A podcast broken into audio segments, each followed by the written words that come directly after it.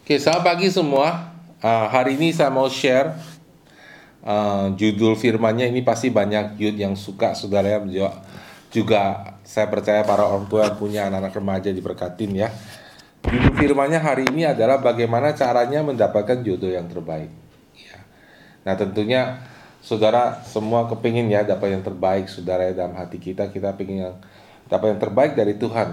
Amin saudara ya. Jadi saudara uh, Bagaimana sih caranya, Pastor, caranya untuk kita dapat jodoh yang terbaik dari Tuhan, saudara?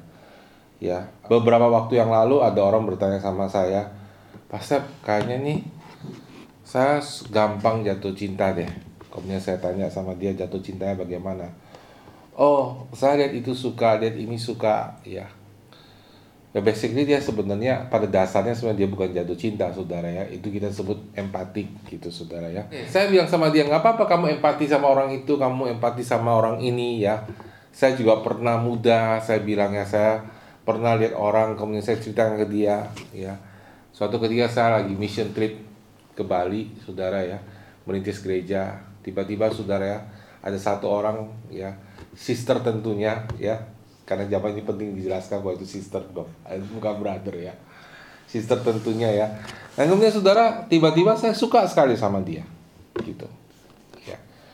Tapi kemudian saya masih bisa menganalisa diri saya gitu loh. Saya udah kenal dia cukup lama dan selama ini saya nggak pernah suka. Tiba-tiba saya suka sekali di situ.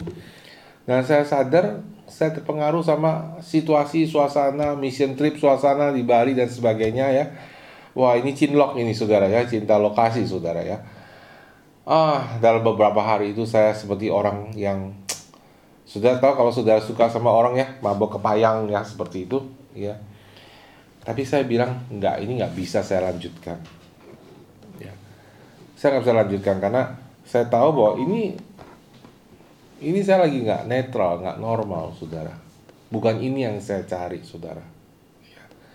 Jadi saya putuskan untuk pulang mission trip lebih duluan ya. Dan setelah pulang mission trip dan itu saya merasa bahwa Tuhan mau saya pulang mission trip lebih duluan karena saya mau menghindari masalah ini. Dan kemudian saya pulang lebih duluan ya.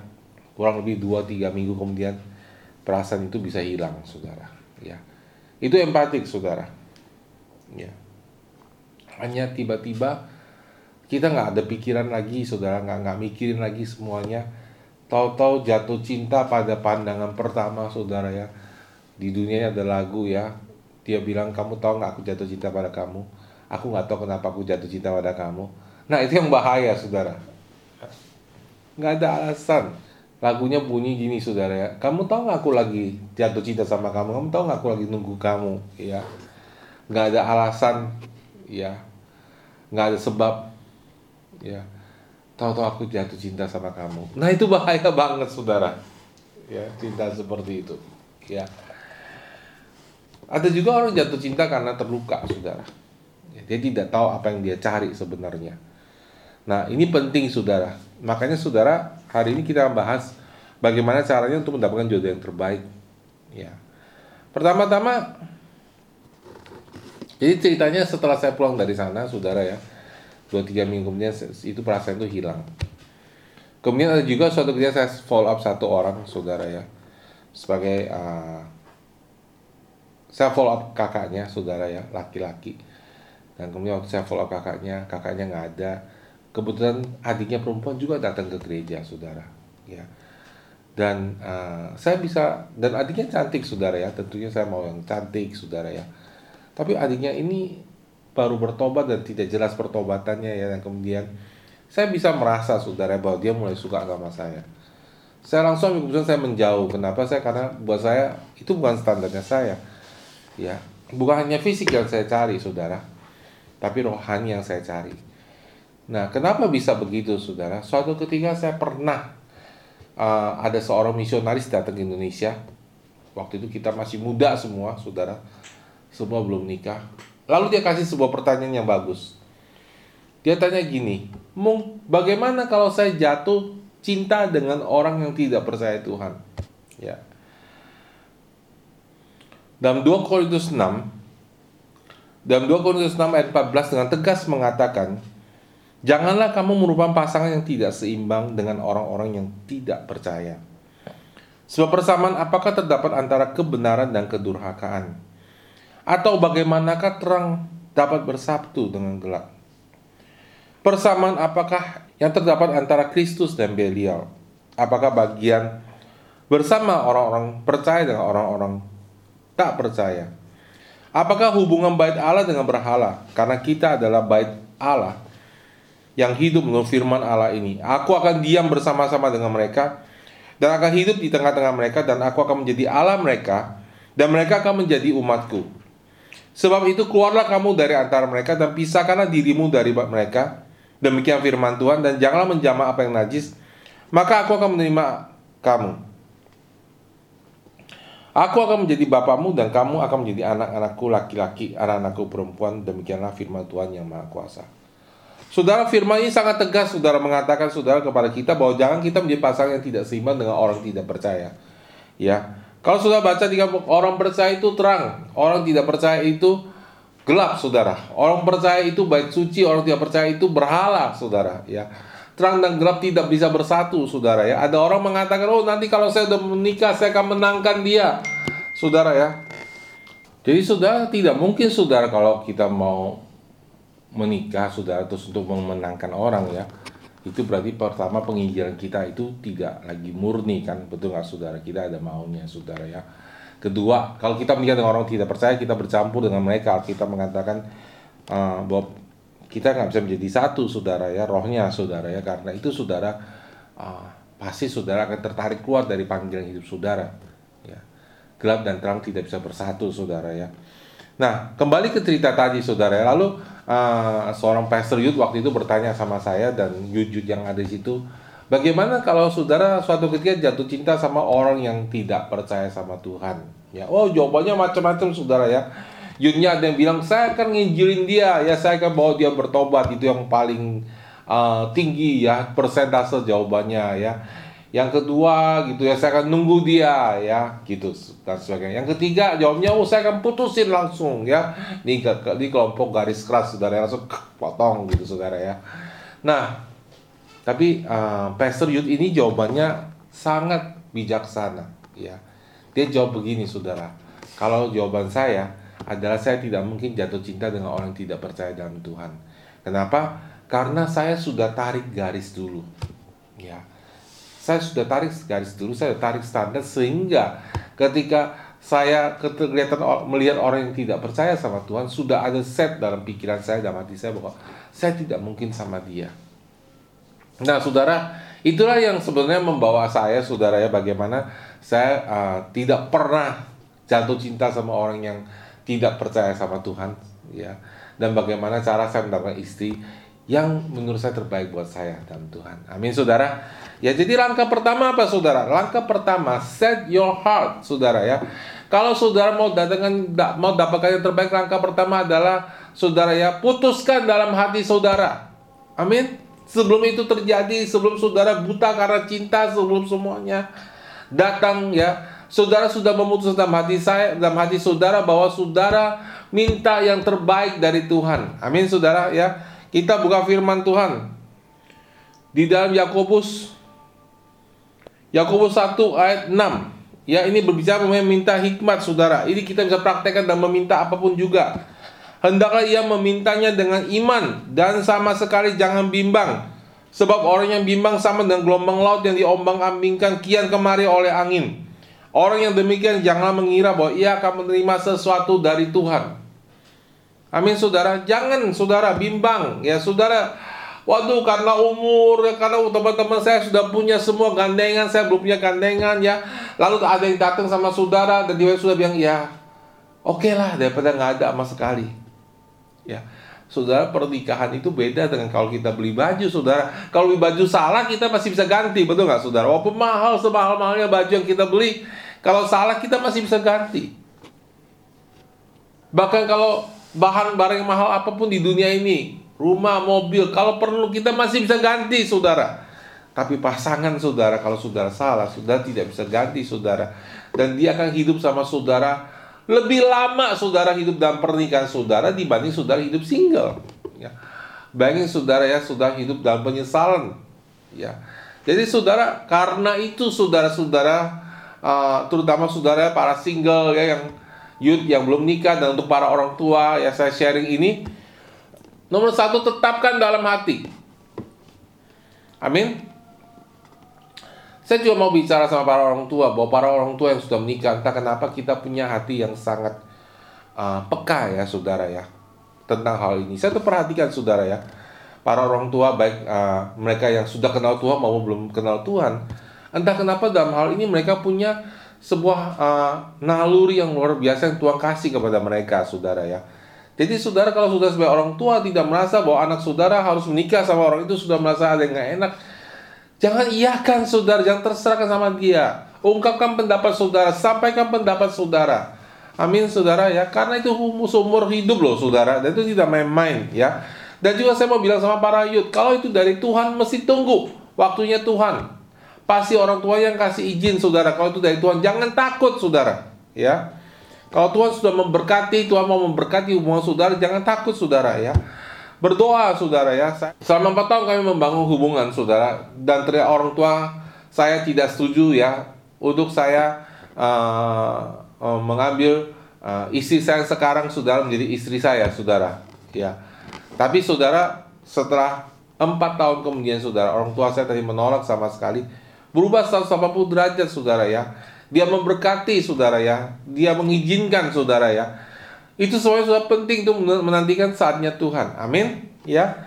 Nah jangan membim jangan bimbang. Penting banget. Pak Step, kalau 4 tahun sih saya nggak nggak bisa nunggunya.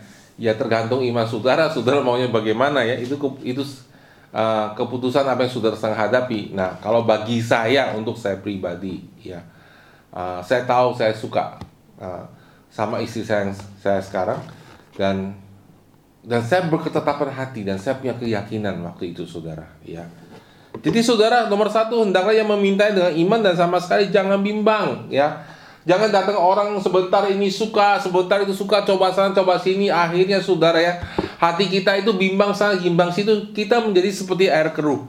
Ketika kita menjadi seperti air yang keruh, justru kita nggak bisa dengar suara Tuhan.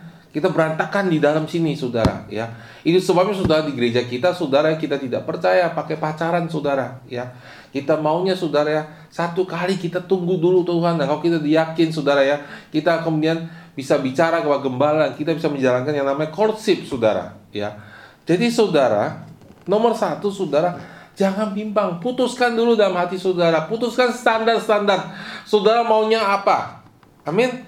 Ya, yang pertama-tama yang pasti saudara orangnya sudah lahir baru, takut akan Tuhan.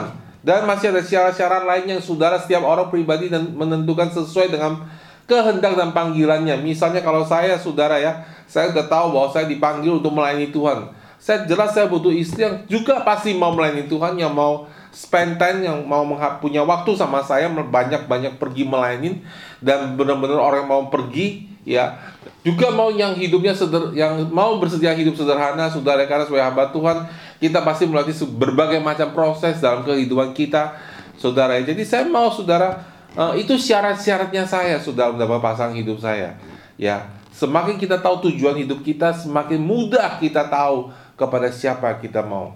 Amin saudara. Orang seperti apa yang kita mau cari. Dan nomor satu saudara, jadi tetapkan hati saudara. Amin. Yud, ya. Putuskan. Ada tiga hal paling penting dalam hidup kita, saudara. Nomor satu, saudara, adalah pertobatan kita, keselamatan kita. Ya, jangan menyangkal Yesus. Kalau saudara selamat sekali itu sama lamanya, jangan nyangkal Yesus, saudara. Ya, Jangan buang keselamatan saudara apa pun alasannya. Nomor dua adalah hal dengan siapa kita akan menikah. Itu hal yang penting sekali saudara. Kenapa? Karena sudah menikah sudah nggak bisa rubah itu. Nomor tiga yang paling penting dalam hidup kita adalah panggilan hidup kita. Nah, kalau kita memenuhi panggilan hidup kita, hidup kita itu disebut sukses, diberkati. Kenapa? Karena kita puas mengerjakan apa yang Tuhan suruh kita kerjakan. Ada amin, saudara ya. Tetapi saudara, tetapi saudara, untuk kita bisa memenuhi panggilan hidup kita, kita butuh ditolong oleh pasangan kita. Nah, pasangan kita harus satu sama kita, sehati, satu pikiran, satu nilai, satu tujuan, saudara. Karena itu saudara sangat penting banget ya untuk dapat pasangan hidup yang takut akan Tuhan dan satu tujuan dengan kita. Ada amin saudara ya. Nah, nomor satu saudara ya, nomor satu saudara jawabannya adalah tarik garis, tetapkan standar saudara. Amin. Ya, cara memilih pasangan. Ya. Nomor dua saudara, berdoa. Amin saudara. Ya. Doakan. Pastor saya baru 15 tahun, doakan. Puji Tuhan. Masih banyak waktu untuk doakan. Ya. Untuk hal yang penting sudah doakan. Untuk sekolah saudara sudah doakan. Untuk kuliah saudara sudah doakan. Untuk ulangan didoain. Pasangan hidup nggak didoain. Gimana sih? Pantesan saudara ya, saudara gampang jatuh cinta sana sini, susah dapat jodoh ya saudara. Karena saudara tidak doakan pada itu hal begitu penting, saudara. Amin. Mari kita buka dalam Matius 7 ayat 7, saudara ya. Ini bisa ini ayat bisa diterapkan, saudara ya. Dan kita mencari uh, jodoh ya. Dan apa yang saya share ini berlaku saudara ya buat laki maupun wanita saudara ya. Nah saudara di ayat ketujuh jika mintalah maka akan diberikan kepadamu. Doa. Amin. Minta maka akan diberikan. Minta sama Tuhan ya. Memang saudara Tuhan tidak menetapkan oh si A akan jodoh, jodoh si B, si B akan jadi si C akan jodoh si D enggak saudara ya. Jodoh itu tidak made in heaven, bukan surga udah tetapkan seperti itu. Tetapi saudara ketika saudara mendapatkan seseorang dan saudara orang itu di dalam Tuhan dan saudara orang itu uh, saudara sesuai dan sesuai dengan firman Tuhan, Tuhan memberkati pernikahan saudara. Amin saudara, ya. Jadi dulu waktu saya muda itu saya salah diajari bahwa oh jodoh ini si A udah pas sama si B jodoh dari surga enggak, enggak ada begitu saudara. Lah nanti kalau ada yang salah pilih gimana? Semuanya berantakan dong. Semua geser dong jodohnya ya enggak saudara ya. Enggak seperti itu saudara. Kita yang memilih, Tuhan yang memberkati. Amin saudara. Minta, maka akan diberikan kepadamu. Jadi minta. Nomor dua apa saudara? Cari. Maka kamu akan mendapat cari dong saudara. Kalau doa di kamar terus yang nggak dapat lah saudara. Ya, kurungkan diri terus saudara ya nggak pergi nggak pergi ya bergaul nggak dapat saudara ya. Saudara cuma cuma ngurung diri di rumah nggak dapat saudara. Saudara masih muda pergi bergaul ya dengan hati nurani yang bersih, yang bebas, saudara. Ya, cari saudara. Amin. Justru karena hati kita bersih, saudara. Ya. Ketika kita melihat brother dan sister kita itu murni, kita tuh nggak ada rasa takutnya. Ya, justru Tuhan itu makin mudah berbicara dalam hidup kita. Ya. Ketiga, ketoklah maka pintu akan dibuka bagimu. Ketok pintu. Ya, sabar, tunggu. Waktunya Tuhan. Amin. Jangan gerasa gerusu. Ya. Jangan sebentar lagi bilang aduh Tuhan bicara begitu, Tuhan bicara begitu, berubah-berubah terus Saudara. Sabar, tunggu waktunya Tuhan. Amin, Saudara, ya. Poin ketiga Saudara harus lakukan adalah Saudara harus bertumbuh. Amin, Saudara. Saudara mau nggak dapat jodoh yang terbaik?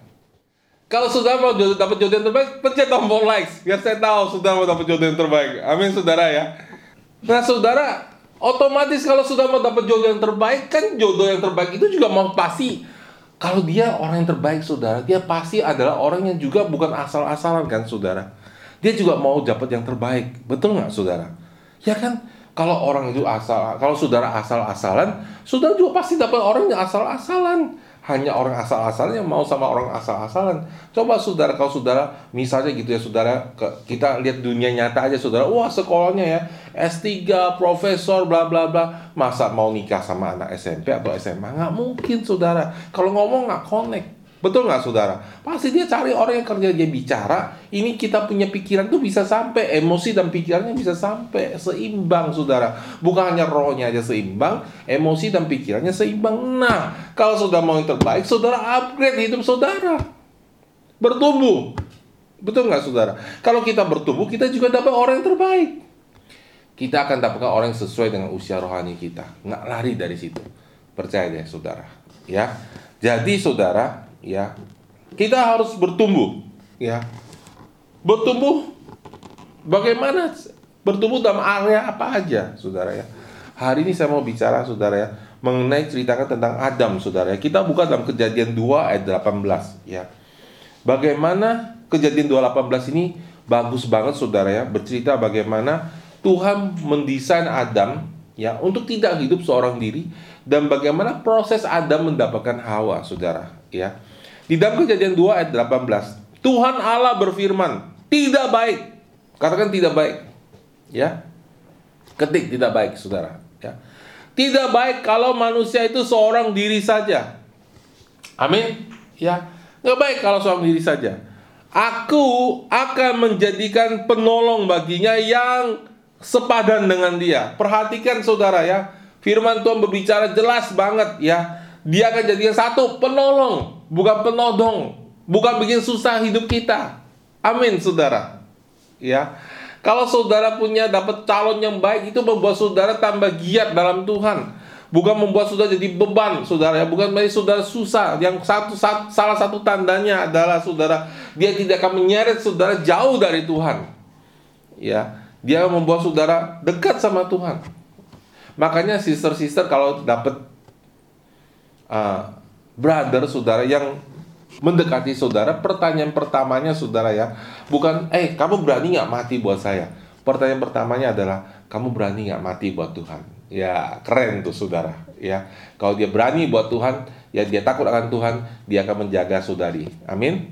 Ya jadi saudara tidak baik kalau manusia itu seorang diri saja. Nggak baik kita sendirian. Pernikahan itu datangnya dari Tuhan. Ada amin saudara ya. Tuhan ingin kita menikah. Amin. Tuhan ingin saudara dapatkan pasangan yang takut akan Tuhan. Aku akan menjadikan seorang penolong baginya. Penolong saudara, satu orang, bukan dua orang. Oke? Ya, kita menikah cuma satu kali saudara. Ya, di dalam kekristenan kita menikah hanya satu kali, kita hanya perlu satu orang aja penolong kita. Amin, saudara. Ya, kalau ada lebih dari satu itu perusuh berikutnya, saudara. Ya. Jadi seorang penolong, saudara, membantu saudara ya, saling membantu untuk mencapai pasang, untuk mencapai tujuan hidupnya yang sepadan, sepantaran, ya, sepantaran saudara, ya, cocok saudara ya, emosinya, rohaninya, ya, pikirannya, Cocok saudara ya. Satu nilai satu tujuan. Nah, saudara jadi saudara pertama-tama pernikahan itu idenya Tuhan. Saudara jangan khawatir. Kenapa saudara kalau idenya Tuhan, Tuhan pasti bekerja. Ada amin saudara. Ya, repot kalau idenya saya saudara. Kalau idenya saya saya harus berusaha. Kalau idenya Tuhan, Tuhan pasti berusaha. Amin saudara ya. Tuhan mau kita menikah, Tuhan yang akan membawa kita masuk ke pernikahan. Nah, apa yang Tuhan lakukan berikutnya? Saudara di ayat ke-19 menarik sekali saudara ya. Setelah Tuhan bilang tidak baik kalau manusia itu seorang diri saja, aku akan menjadikan baginya yang seorang penolong sepadan dengan dia. Ketika Tuhan lihat, oh Adam ini nggak baik seorang diri. Tuhan bilang, kita akan jadikan seorang penolong sepadan sama dia. Tapi saudara, apa yang terjadi saudara? Tuhan tidak lakukan itu langsung. Ya. Tuhan berhenti di situ saudara. Ya. Penolongnya nggak datang, saudara. Tuhan membentuk dari tanah segala binatang hutan dan segala burung di udara dan dibawa semuanya kepada manusia untuk melihat bagaimana ia menamainya. Dan seperti nama yang diberikan manusia itu kepada tiap-tiap makhluk hidup, demikianlah nanti nama makhluk itu. Ayat 20.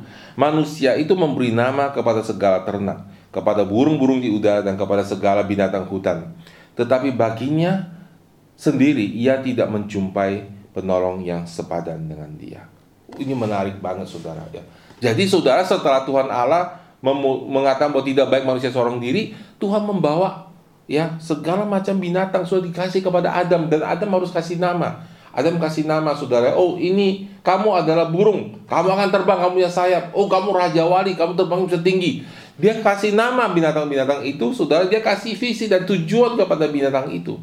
Ya, dia kasih identitas kepada binatang-binatang itu, saudara. Ya. Ketika dia kasih identitas, ketika dia melayani itu, saudara, dia melayani tujuan Tuhan dalam hidupnya, saudara. Dia mulai mengenal dirinya sendiri. Ini penting sekali, saudara. Dia kenal dirinya sendiri, dia kenal identitasnya sendiri. Kenapa, saudara? Karena kemudian saudara di dalam ayat ke-20 bagian terakhir dikatakan begini saudara. Tetapi baginya sendiri ia tidak menjumpai seorang penolong yang sepadan dengan dia. Waktu simpanse lewat dia bilang mirip tapi nggak sepadan. Monster lewat nggak sepadan. Dia mulai mengerti saudara identitas. Eh, saya punya pikiran, saya punya etika, saya punya moral di atas binatang-binatang ini. Semua nggak sepadan dengan saya. Saya bukan mereka. Saya adalah diciptakan menurut gambar dan lupa teladan Allah. Dia belajar itu ketika dia melakukan tugas yang Allah berikan kepada dia.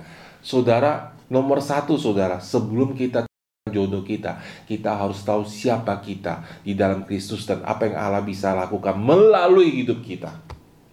Ya. Itu penting banget saudara ya. Know your identity. Semakin sudah tahu saudara itu siapa, apa yang saudara lakukan, sudah tahu kekurangan saudara, sudah tahu kelemahan saudara, sudah semakin tahu seperti apa orang saudara butuhkan. Amin saudara. Seperti cerita saya tadi saudara, ya Sebelum saya kenal istri saya sudah saya melayani bersama-sama dengan dia. Ya. Saya tahu persis saya butuh orang yang gila punya melayani Tuhan. Ya, dia juga orangnya wah melayani Tuhan berapi-api saudara. Banyak teman-teman saya melayani Tuhan tapi nggak berapi-api saudara. Ya. Banyak juga yang berapi-api tapi nggak seperti dia saudara.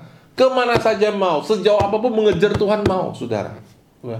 Waktu kami liburan di Amerika saudara ya, kami pergi ke kota-kota di mana ada hamba batu yang besar ya kami pergi ke Pensacola kami kejar itu saudara ya Seperti itu kami kejar Tuhan saudara dan untungnya saudara istri saya tuh mau ikutin saya saudara ya saya tahu apa yang saya butuhkan kenapa saudara karena saya menemukan identitas saya dalam Tuhan amin ya saya tidak mencari seorang penghambat yang menyetop pelayanan saya saya mencari seorang penolong yang membuat pelayanan saya bertumbuh di dalam Tuhan. Kita bisa sama-sama mengoreksi, sama-sama kerjasama, tapi bukan nyetop satu sama lain. Dia takut akan Tuhan, saya takut akan Tuhan. Tidak pernah saudara waktu saya dan istri bergesekan, lalu dia bilang, saya nggak mau ke gereja hari ini gara-gara kamu. Atau saya juga akan bilang, oh, saya nggak mau melayani, saya mau khotbah hari ini gara-gara kamu. Kita nggak ada saudara. Karena kenapa saudara? Kita nggak pernah ngomong seperti itu. Karena kita tahu dua-duanya tahu bahwa kita harus hidup dalam takut akan Tuhan. Dan kita harus tahu bahwa Tuhan yang berkuasa atas rumah tangga kami. Bahwa Tuhan ada di tengah-tengah rumah tangga kami. Amin saudara. Jadi saudara harus tahu identitas. Amin saudara ya. Tahu saudara itu siapa. Tahu luka saudara. Tahu masa lalu saudara Tahu kekurangan saudara, beresin. Ketika luka, dengar baik-baik ya. Ketika luka merusak hidup kita, masa lalu kita merusak hidup kita, Saudara, ya. Kita itu menjadi tidak netral dalam mencari pasangan hidup. Kita bukan mencari pasangan untuk menolong kita, kita mencari pasangan untuk mengisi luka kita. Saudara kekasih dalam Tuhan. Tuhan kasih kita pasangan yang satu nilai, satu visi dalam kita untuk menolong kita untuk mencapai panggilan hidup kita. Tapi dengar baik-baik saudara, Tuhan tidak pernah kasih pasangan untuk mengobati luka saudara. Jadi saudara, itu kesalahan sebagian besar orang cari pasangan yang salah. Kenapa saudara? Mereka mencari orang untuk mengobati luka mereka. Mereka mencari orang untuk mengobati rasa bersalah mereka, rasa kesepian mereka, rasa malu mereka, masa lalu mereka yang kurang, mereka cari manusia untuk mengisinya. Pada tempat itu satu-satu yang bisa menyembuhkan kita dari masa lalu kita hanya Tuhan. Hanya Yesus Kristus dan darahnya yang bisa menyucikan kita dan membebaskan kita dari masa lalu. Karena itu saudara, ketika orang masa lalu tidak beres, saudara, dia cenderung bereaksi terhadap di dalam dan dia cenderung cari pasangan yang salah. Ada satu orang wanita sudah dia selalu jatuh cinta sudah sama laki-laki yang lebih tua. Dia bingung, tuanya jauh saudara usianya. Ketika di lining di dalam hati bapak sudah, uh dia nangis teriak-teriak saudara. Dia mulai sadar bahwa kenapa dia jatuh cinta sama laki-laki yang usianya jauh lebih tua dari dia sangat normal. Karena sebenarnya dia cari itu bukan suami saudara, dia cari itu bapak saudara. Ya. Saudara, masa lalunya meracunin dia saudara. Sehingga dia tidak bisa mencari pasangan yang benar saudara. Karena itu saudara, kenapa kita harus melayani? Ketika kita melayani saudara, kita mengobati orang lain. Ketika kita mulai kasih identitas dalam hidup mereka. Mulai kita melihat hidup kita dipakai Tuhan. Waktu itulah saudara, identitas kita itu muncul. Waktu saya melayani orang, waktu saya mulai ajarin orang, saya konsultasi orang, saya menemukan bahwa Tuhan mau pakai saya sebagai gembala. Tuhan mau pakai saya sebagai pengajar. Kapan saya dapat itu? Ketika saya pergi melayani orang. Kapan, kapan saya kenal calon istri saya sudah ketika kami melayani bersama-sama. Kapan saya mulai suka sama dia? Ketika kita melayani bersama-sama. Amin saudara. Penting sekali saudara ya. Sudah harus selesaikan masa lalu saudara. Bereskan dalam Tuhan saudara. Ya. bereskan hubungan dengan orang tua saudara, dengan papa mama saudara. Ampuni mereka, lepaskan masa lalu saudara. Saudara jangan bilang ini, saya nggak mau dapat suami kayak papa saya, saya nggak mau dapat istri kayak mama saya. Enggak, itu berarti saudara ketika saudara ngomong begitu, saudara masih fokusnya ke masa lalu. Lepaskan, ampunin, dan katakan bahwa saya mau dapat suami, saya mau dapat istri yang bertumbuh dewasa di dalam Tuhan. Amin saudara. Ya, kita membangun keluarga bukan keluarga yang tidak mau seperti masa lalu, tapi kita membangun keluarga adalah keluarga yang mau seperti rencana Tuhan di dalam firman Tuhan. Amin saudara. Itu tandanya kita sudah mengampuni saudara. Ya, kalau sudah fokus masa lalu begitu saya nggak mau seperti dia sudah akan swing saudara ekstrim satunya sudah justru sudah tidak akan menemukan tujuan Allah. Itu sebabnya kenapa sudah Tuhan bilang bahwa kita harus mengampuni. Amin saudara ya. Kapan kita tahu bahwa kita mulai sembuh, saudara? Ya, karena tidak ada orang yang sempurna. Sudah nggak perlu nunggu sempurna untuk menikah. Sudah tahu sudah sembuh ketika ada orang datang pada saudara. Ketika orang datang, saya diberkati oleh pelayan kakak. Ya. Orang-orang mulai datang, ya bertanya sama saudara, bertanya sama kakak-kakak, kasih saya nasihat. Waktu itu sudah tahu, sudah berhasil berikan identitas kepada orang. Ya. Dan saudara sudah mulai tahu bahwa sudah mulai sembuh sudah sudah tahu sudah butuhnya apa. Amin saudara. Ya. Nah, saudara, setelah itu saudara Tuhan Allah membuat manusia itu tidur nyenyak. Wah. Tidur. Ya, sudah ini luar biasa banget ceritanya saudara. Bayangin sudah Adam kasih nama harimau, singa, ya. Ah, burung raja wali, ya. Burung pipit dia kasih nama semua ya, kucing, anjing, ya. Dia kasih nama setelah selesai dia enggak ada yang cocok ya sudah semakin dia ngerti bahwa eh ini ini ini bukan yang saya mau. Bukan ini. Ya. Kemudian Tuhan Allah membuat dia saya tahu ini bukan bukan bukan bukan bukan saudara. Tuhan Allah membuat dia tidur nyenyak, saudara. Ya, Alkitab ngomong jelas, saudara. Tidur nyenyak. Nah, saudara, apa poinnya di sini, saudara? Beristirahat di dalam Tuhan. Amin, saudara. Lakukan semua itu tenang, saudara percaya sama Tuhan. Amin saudara ya. Tunggu ya waktunya Tuhan. Manusia tidur nyenyak saudara. Dan ketika dia bangun tidur, lalu Tuhan membawa kepada dia seorang perempuan kepada manusia itu. Lalu Adam langsung berkata, inilah dia, tulang dari tulangku dan daging dari dagingku. Ia akan dinamai perempuan sebab dia diambil dari laki-laki. Langsung dia tahu ini dia. Ya. Tulang dari tulangku, daging dari dagingku artinya apa saudara? cocok banget. Pas. Ya bahasa Chinese bilang kangkang hao. Tepat takarannya. Pas ini buat aku ya. Dari mana dia bisa tahu itu pas? Karena itu melayani banyak orang yang tidak pas. Sudah ngerti saudara ya? Di situlah dia temukan identitasnya. Nah saudara yang menarik sekali saudara ya menarik sekali saudara setelah Adam tahu itu wanita, saudara, Adam tidak langsung melakukan hubungan intercourse atau seksual dengan dia. Kok bisa begitu? Saudara lihat, saudara. Ya. Adam itu membangun relationship. Adam itu mengenal dulu, saudara. Ya. Nah, saudara, dengar baik-baik, saudara, yang wanita. Kalau seseorang wanita, seseorang pria tidak menghargai engkau, atau mencuri dari engkau atau mencium engkau atau melakukan hubungan badan dengan engkau di luar pernikahan maka laki-laki itu tidak setia karena dia telah mencuri apa yang paling berharga dari dalam dirimu tanpa komitmen untuk bertanggung jawab di depan orang banyak. Tapi pastor kami udah saya mengasihi pasti kamu kamu nikah. Tapi ada bedanya saudara. Bedanya saudara sudah kehilangan trust. Ya. Dan ketika orang ini menikah, saudara. Dia bisa berbuat jinah di luar.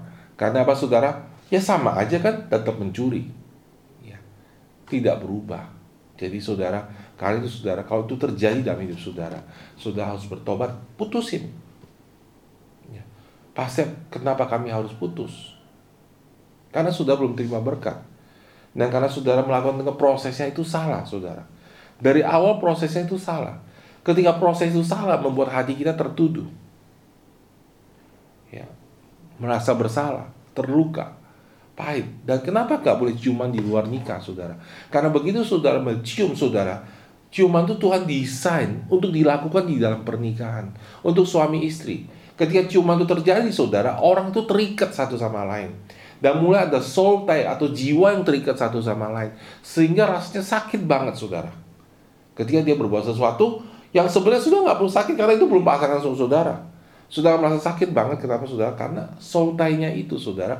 Dan akibatnya sudah membuat seseorang tuh bisa menikah dengan orang yang sebenarnya dia tidak suka hanya karena pernah dicium. Sudah mengerti? Karena itu saudara, kalau itu terjadi dalam hidup saudara, apa yang saya harus lakukan pastor? Datang ke pastor. Datang ke senior pastor saudara. Jangan takut saudara ya. Dia akan protek saudara, dia akan doakan saudara. Ya. Dan putuskan hubungan itu. Ya. Asep berarti saya tidak boleh nikah dong sama dia. Bukan. Kita harus kembali ke titik nol saudara. Ya.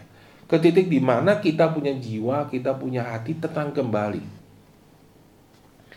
lihat dengan jelas benar gak sih ini orang yang saya mau menikah dengannya supaya apa supaya hati kita tuh dipulihkan supaya kita tidak menikah karena dimanipulasi karena dikontrolling ya bukan karena kita manipulasi orang pernikahan itu harus tulus dari dalam hati dua orang saling mengasihi di dalam Tuhan nah saudara ketika sudah melanggar prinsip firman Tuhan tidak menjaga kekudusan saudara, maka saudara sudah kehilangan kemurnian hati saudara.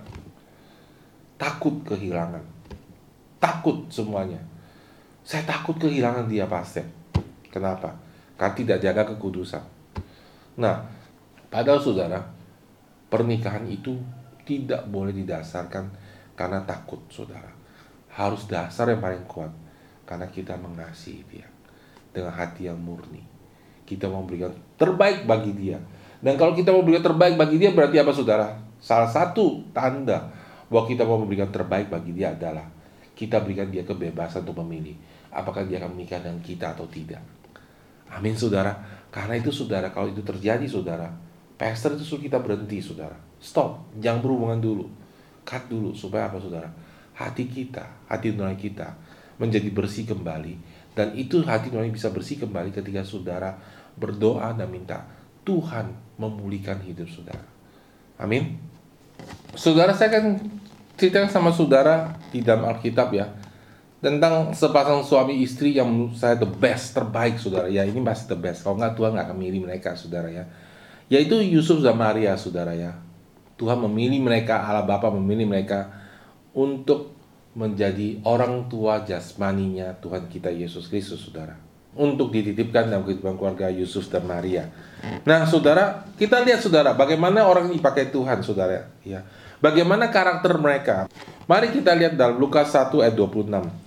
Dalam bulan yang ke-6, Allah menyuruh malaikat Gabriel pergi ke sebuah kota di Galilea bernama Nazaret kepada seorang perawan yang bertunangan dengan seorang bernama Yusuf dari keluarga Daud. Nama perawan itu Maria.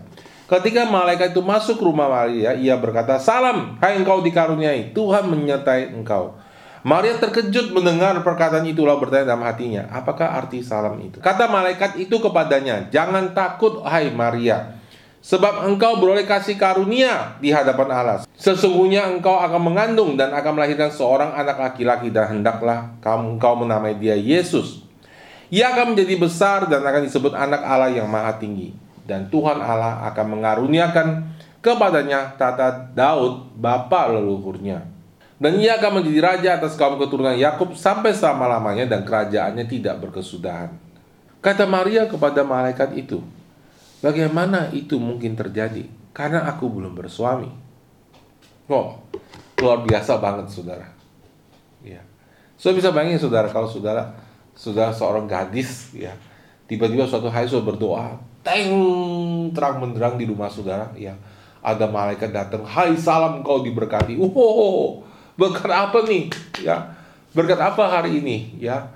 Berkat dapat keuangan kah materi kah? Ya calon suami yang ganteng kah berkat apakah pelayanan yang luar biasa kah berkat apa ya lalu malaikat bilang ya engkau akan mengandung wah kaget saudara mestinya betul nggak saudara sebagai orang normal sudah pasti kaget. Hah? Hamil? Nanti apa kata orang? Betul nggak saudara? Ya. Jadi saudara, responnya Maria harusnya ada gini, lah hamil Tuhan. Kalau udah hamil nanti kata orang apa? Kata tetangga saya apa? Kata orang jauh ini kata ini apa, saudara ya? Ternyata saudara itu tidak dikatakan Maria. Maria hanya tanya, bagaimana mungkin hal itu terjadi? Sedangkan aku belum bersuami. Wow, keren banget saudara.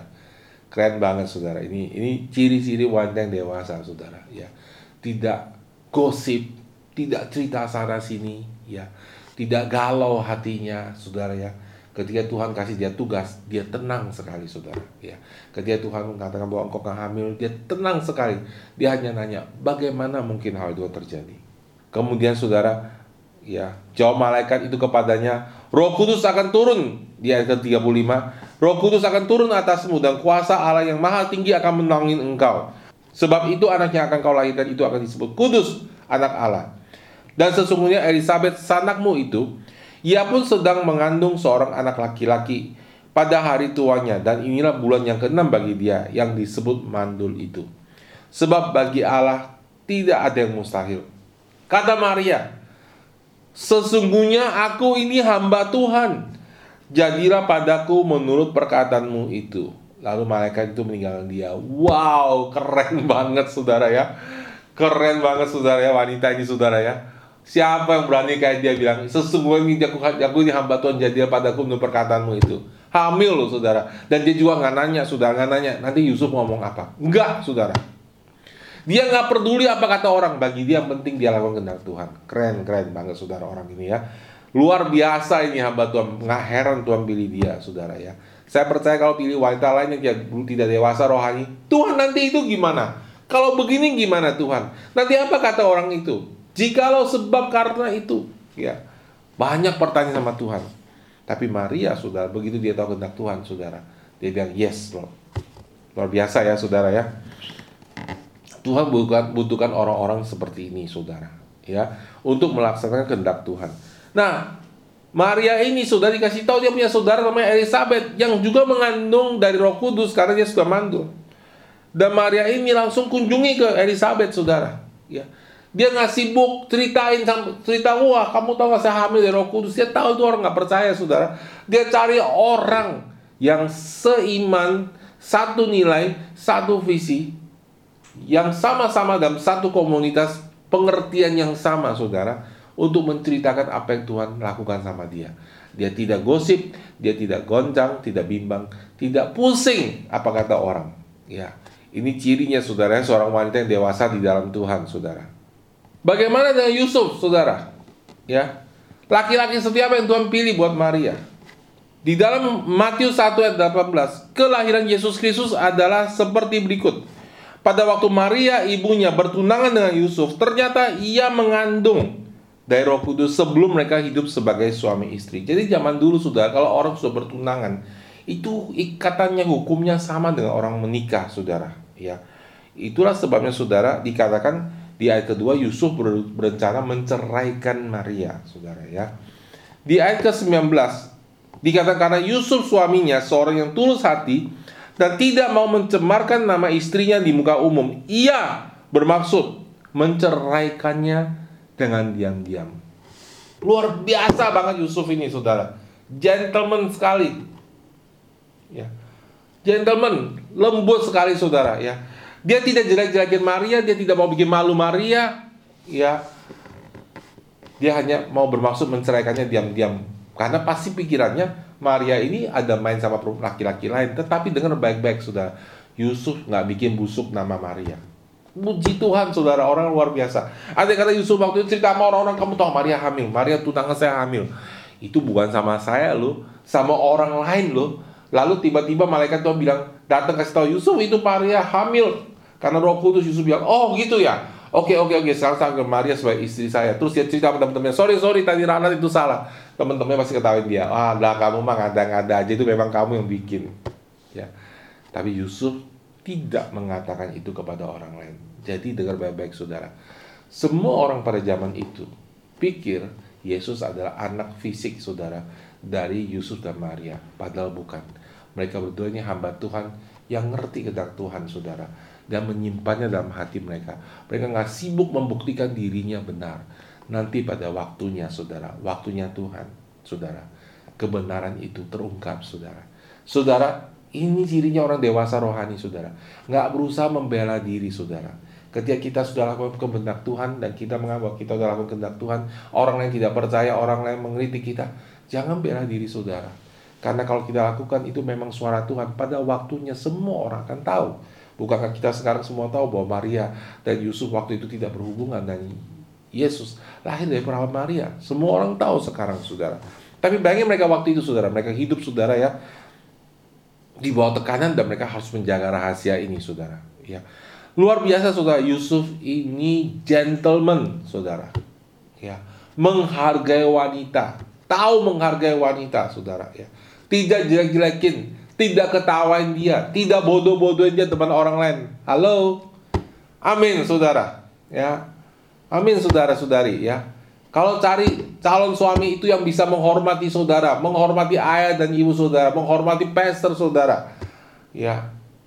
Menghormati komunitas saudara, menghormati keluarga rohani saudara. Itu dia gentleman. Jangan cuma saudara datang ya ke dia, saudara ya lagi olahraga sama komunitas sama saya gue capek. Terus dia datang kasih saudara, ini nih teh botol buat saudara ya. Ini nih kasih nasi goreng buat saudara. Ya eksklusif saudara ya. Tapi kalau seorang gentleman dia tahu cara menjaga nama baik saudara. Dia oh kasih ke teman-temannya juga gitu saudara ya. Itu gentleman saudara laki-lakinya. Cari yang seperti itu. Amin saudara ya. Ayat ke-20 tetapi ketika ia mempertimbangkan maksud itu, malaikat Tuhan tampak kepadanya dalam mimpi dan berkata, "Yusuf anak Daud, janganlah engkau takut mengambil Maria sebagai istrimu sebab anak yang di dalam kandungannya adalah dari Roh Kudus." Ia akan melahirkan anak laki-laki dan kau akan menamakan dia Yesus. Karena dialah yang akan menyelamatkan umatnya dari dosa mereka. Hal itu terjadi Hal itu terjadi supaya genaplah yang difirmankan Tuhan oleh Nabi. Sesungguhnya anak darah itu akan mengandung dan melahirkan seorang anak laki-laki dan mereka akan menamakan dia Immanuel yang berarti Allah menyertai kita. Sesudah bangun dari tidurnya, Yusuf berbuat seperti yang diperintahkan malaikat Tuhan itu kepadanya. Ia mengambil Maria sebagai istrinya, tetapi tidak bersubuh dengan dia sampai ia melahirkan anaknya laki-laki dan Yusuf namakan dia Yesus. Wow. Luar biasa saudara, luar biasa saudara, ya. Sudah pikir gampang jadi laki-laki ambil wanita yang sudah hamil dan bilang itu dari Roh Kudus. Betul nggak saudara? Tapi Yusuf bisa lakukan ini. Sudah saya mau kasih satu kunci. Kenapa Yusuf dan Maria bisa setat itu? Karena sebelum mereka melakukan ini, saudara, mereka sudah taat dalam hal-hal yang kecil. Ya. Abraham kenapa bisa memberikan anaknya Ishak mempersembahkan kepada Tuhan? Karena dia tahu itu suara Tuhan. Dari mana dia tahu? Karena dia taat sama hal-hal yang kecil. Amin, saudara. Jangan tiba-tiba datang ke pastor sudah bilang, Pastor, saya dapat suara Tuhan. Si ABC itu istri saya. Tuhan bicara sama saya tadi malam melalui mimpi. Oke, Tuhan bicara yang lain-lainnya nggak? Nggak pernah, saudara. Cuma bicara itu doang. Dan tidak pernah teruji dan mendengar suara Tuhan. Itu nggak benar, saudara. Dan itu klaim lagi, saudara. Dalam nama Yesus, itu jadi suamiku, jadi istriku. Jangan, saudara. ya Itu kehendak bebas orang untuk memilih. Itu tanda ketidakdewasaan orang, saudara. Jadi, saudara, loh, kalau saudara mau dapat yang terbaik dari Tuhan, Saudara makanya tadi saya bilang saudara harus bertumbuh, saudara harus berlatih, dengar, biasa membedakan yang mana suara Tuhan, yang mana kehendak Tuhan. Biasakan. Amin. Biasakan. Makanya saudara kenapa Yusuf dan Maria itu langsung taat karena itu bukan kali pertama mereka mendengar suara Tuhan. Itu bukan kali pertama Yusuf mendapat mimpi. Itu bukan kali pertama Maria mendapatkan penglihatan. Amin saudara. Makanya saudara, mereka seberani itu karena mereka tahu dan kenal Tuhan Allahnya. Amin saudara. Dengan kata lain, mereka sudah biasa melakukan kehendak Tuhan, serve the will of God. Itu sebabnya saudara, kalau kita mau dapatkan jodoh yang terbaik, kita harus biasakan mengikuti kehendak Tuhan dalam hidup kita. Amin saudara. Semakin kita ikutin itu saudara, kita akan semakin tajam. Jadi sudah bayangin Yusuf ini sesudah ia bangun dari tidurnya, Yusuf berbuat seperti yang diperintahkan malaikat Tuhan itu kepadanya, ia ambil Maria sebagai istrinya. Luar biasa saudara ya. Nggak milih lagi, nggak nanya lagi. Ya gimana pendapat kamu bro, gimana pendapat kamu sis, ya kita rapat nggak ada saudara. Ketika dia tahu dengan pasti itu kehendak Tuhan dia lakukan. Luar biasa saudara ya. Diambil Maria, tinggal sama Maria saudara. Ya, yang pasti saudara ya sebelum Maria hamilnya besar saudara. Ya, jadi berbulan-bulan dia tinggal sama Maria. Ya, mungkin lebih dari tujuh bulan saudara tinggal sama Maria.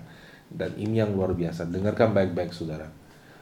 Orang lain anggap mereka sudah suami istri. Mereka tinggal satu rumah saudara. Ya, tapi ini yang luar biasa Walaupun mereka hanya berdua, Yusuf tidak berhubungan seks dengan Maria sampai Maria melahirkan Yesus. Wow. Amin, saudara. Cowok pria yang mencuri, yang maksa sudah berhubungan seks di luar pernikahan, itu bukan laki-laki yang mengasihi saudara. Tolak itu, saudara. Itu bukan cinta, itu nafsu, saudara. Ya. Dan saudara, harus bertobat dari itu. Kalau itu terjadi dalam hidup saudara. Jangan sampai saudara masuk ke pernikahan dan ketika sudah masuk ke pernikahan itu tidak bisa diputar balik lagi waktunya. Amin saudara. Saya percaya saudara bahwa apa yang saya sharing hari ini memberkati banyak saudara ya. Dan saya berharap melalui ini saudara banyak mata saudara dibukakan saya berdoa Tuhan bukakan mata banyak kalian, banyak orang yang ketika mendengar firman ini. Dan saya berdoa saudara bahwa saudara mendapat pasangan yang terbaik dan bisa punya kekuatan membangun rumah tangga yang terbaik. Amin saudara. Mendapatkan pasangan yang baik dari Tuhan, yang terbaik dari Tuhan. Bukan berarti hidup kita tidak punya gesekan, tidak punya goncangan. Saya dan istri, kita punya gesekan, kita punya goncangan. Tetapi saudara, saya mau kasih tahu, hidup kami sama visinya untuk membangun kerajaan alam, untuk membangun keturunan yang takut akan Tuhan. Dan kami tahu bahwa tidak ada kata perceraian dalam pernikahan kami. Apa pun yang terjadi, kami berpegangan tangan setia sampai tua karena kami tahu bahwa kami tidak hidup untuk diri kami sendiri, tapi kami hidup untuk generasi yang kemudian. Ketika kami punya Tuhan, keluarga yang takut akan Tuhan, saudara, kami tahu generasi berikutnya diberkati dan generasi berikutnya saudara sehingga saudara saudara nggak usah pusing oh gimana ya orang ini punya kelainan seks orang punya uh, laki dengan laki perempuan dengan perempuan sudah kehidupan seks yang tidak benar bagaimana caranya saudara Dunia butuh melihat keluarga yang benar. Amin. Dunia rindu melihat suami istri yang mengasihi Tuhan. Dan ketika kita melakukan ini sudah, ketika sudah mendapatkan pernikahan saudara dan mendapatkan pasangan yang takut akan Tuhan, dengar baik-baik saudara. Saudara itu bukan hanya berkat buat saudara dan buat keluarga saudara saja, tetapi buat generasi yang kemudian. Amin. Itu sebabnya saudara, ketika Abraham berbuat benar saudara, Allah memanggil dirinya sebagai Allah Abraham dan kemudian Allah Ishak dan Allah Daud, Allah Yakub. Allah manggil dirinya sebagai Allah Abraham, Allah Ishak dan Allah Yakub. Kenapa saudara? Karena Allah melihat, karena Allah memberkati mereka secara bergenerasi. Amin. Demikian saudara sharing pengajaran saya hari ini. Saya berharap sudah diberkati. Sampai ketemu lagi. Tuhan Yesus memberkati.